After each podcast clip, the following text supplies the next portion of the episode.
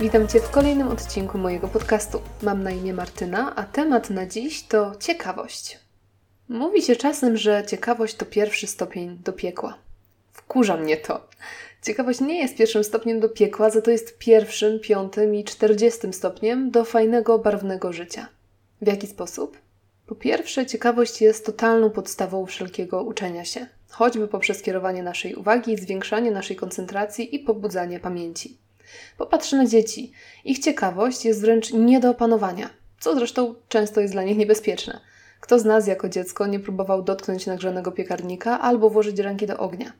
Jednak pomimo ewentualnych zagrożeń, to właśnie ciekawość sprawia, że dzieci uczą się świata i zdobywają wiedzę o nim. Zresztą i my, dorośli, najlepiej uczymy się, kiedy coś nas zaciekawi. Nie wiem, czy też masz takie doświadczenia, natomiast ja jestem chodzącym tego przykładem. Z książek czy wykładów obowiązkowych na studiach, z przedmiotów, które mnie nie zaciekawiły, mało co pamiętam. Ale były takie przedmioty, które mnie interesowały i do tej pory pamiętam z nich naprawdę wiele. Również obecnie, widząc książkę na jakiś interesujący mnie temat, pochłaniam ją w dwa dni i ta wiedza w dużo większym stopniu już ze mną zostaje. A ja cały czas uczę się i rozwijam, choć teoretycznie już bym nie musiała. Po drugie, ciekawość pomaga w rozwiązywaniu przeróżnych problemów, gdyż skłania nas do szukania nowych, nieszablonowych rozwiązań. Zachęca do zadawania większej ilości pytań, które mogą nas ostatecznie doprowadzać do ważnych i wartościowych odpowiedzi. Po trzecie, zaciekawienie to stan silnie nagradzający z biologicznego punktu widzenia. Ciekawość aktywuje nasz wrodzony system szukania w mózgu, co powoduje wyrzut m.in. dopaminy, czyli neuroprzekaźnika odpowiadającego za energię, samopoczucie i motywację do działania. A jak pisał psychobiolog Jak Panksepp, bez dopaminy nasze potencjały i pasje śpią. W efekcie wzbudzenie ciekawości często pokonuje lub chociaż zmniejsza nasz lęk czy smutek. Od zarania dziejów człowiek był gatunkiem poszukującym pożywienia, schronienia innych ludzi, więc serio nie warto z tym walczyć. I wreszcie po czwarte, mam to szczęście, że odnalazłam swoje pasje i to różne. Udało mi się zlokalizować kilka rzeczy, którym potrafię się poświęcić bez reszty, które kocham, które mnie napędzają. Ale wiem, że nie wszyscy je mają. Jak zatem można je znaleźć? No właśnie dzięki ciekawości, dzięki podążaniu drogą, którą ona nam wytycza.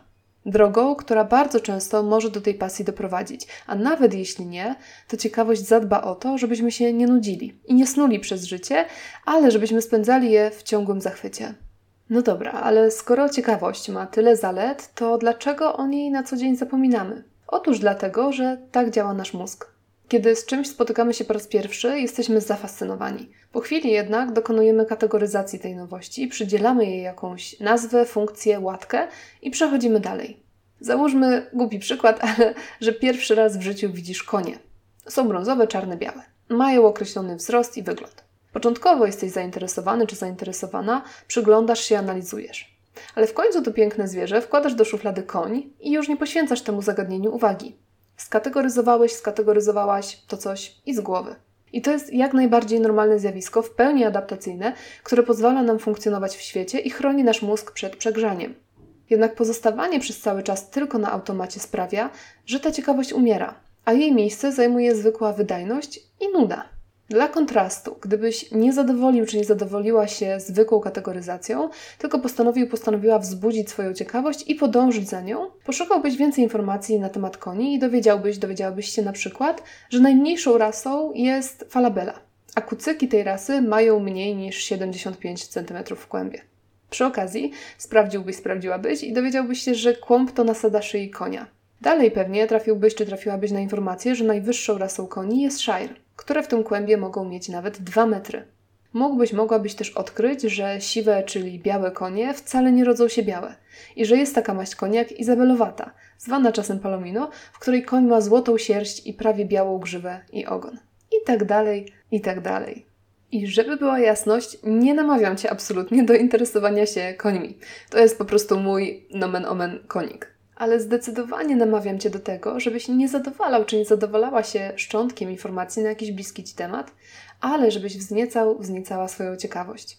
I zachęcam Cię do tego, żeby zawsze kopać głębiej. No i właśnie, płynnie przechodząc, jak zatem dbać o swoją ciekawość? A mianowicie karmiąc ją nowymi rzeczami, dokładając jej do pieca nowymi doświadczeniami, a także wyłączając swoje schematyczne myślenie, rezygnując z raz nadanych łatek i kategorii i zauważając swoje zautomatyzowane działania.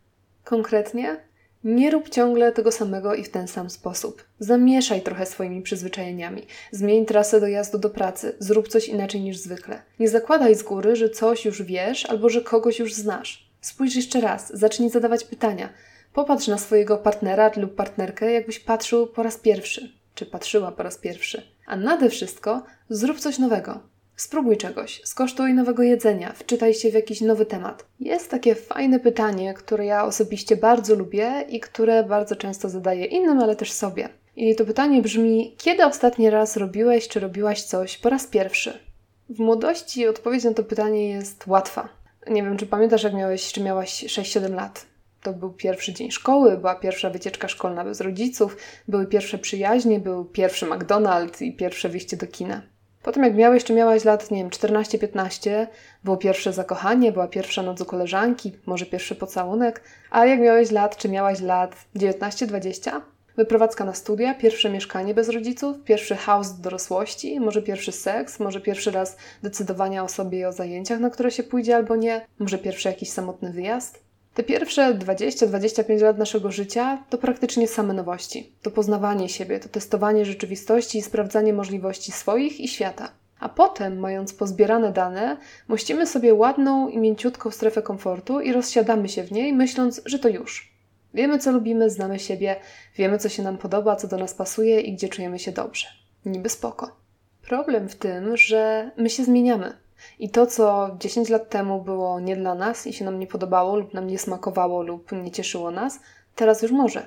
Po drugie, zmienia się też świat. I to, co się nam nie spodobało 10 lat temu w jakiejś wersji, może teraz już się zmieniło. Może, nie wiem, technologia poszła do przodu. Mówię o technologii, bo przyszedł mi na myśl film w wersji 3D. Pamiętam, jak poszłam na niego pierwszy raz chyba w 2009 roku i głowa mi pękała od tego filmu i nie mogłam go oglądać.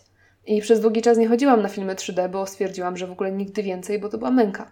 Ale po, nie wiem, siedmiu latach poszłam znowu na film w wersji 3D i nagle się okazało, że to już było zupełnie inne doznanie. I było super i naprawdę mi się to bardzo podobało. Poza tym fakt, że znalazłeś czy znalazłaś coś, co ci odpowiada i co lubisz i co już wiesz, że do ciebie pasuje, to wcale nie oznacza, że nie możesz znaleźć więcej takich rzeczy. Może nawet jeszcze lepszych, jeszcze fajniejszych, jeszcze ciekawszych i jeszcze lepiej do ciebie dopasowanych. Dlatego właśnie mocno wierzę w to, że powinniśmy cały czas testować siebie i świat, rozglądać się za nowymi doznaniami, otwierać się na nowe doświadczenia, próbować nowych smaków, poznawać nowych ludzi nowe miejsca i robić rzeczy, których do tej pory nie robiliśmy. Może to być zupełnie inny gatunek muzyczny niż dotychczas. Może jakaś samotna podróż. Zwłaszcza jeśli do tej pory nie jeździłaś, nie jeździłeś nigdzie sam sama. I tu od razu dodam, że wiem, że jest pandemia, ale wyjazd to może być wycieczka do innego miasta po prostu. Nawet nie jakiegoś mocno oddalonego. A może spróbujesz nowej kuchni, albo czegoś, co ci nie smakowało w dzieciństwie, więc nie jadłaś, nie jadłeś tego od lat. A może sięgniesz po książkę z jakiejś zupełnie nowej dla ciebie dziedziny czy dyscypliny nauki. I być może okaże się, że to nie dla ciebie. Może cię to coś znudzi. Może okaże się, że to wcale nie jest takie ciekawe. I spoko. Wtedy porzuć to bez żalu i po prostu szukaj dalej. W końcu trafisz na coś, co cię porwie. I wierz mi, będzie to warte czasu poświęconego na te poszukiwania. Z tą myślą dziś Cię zostawiam.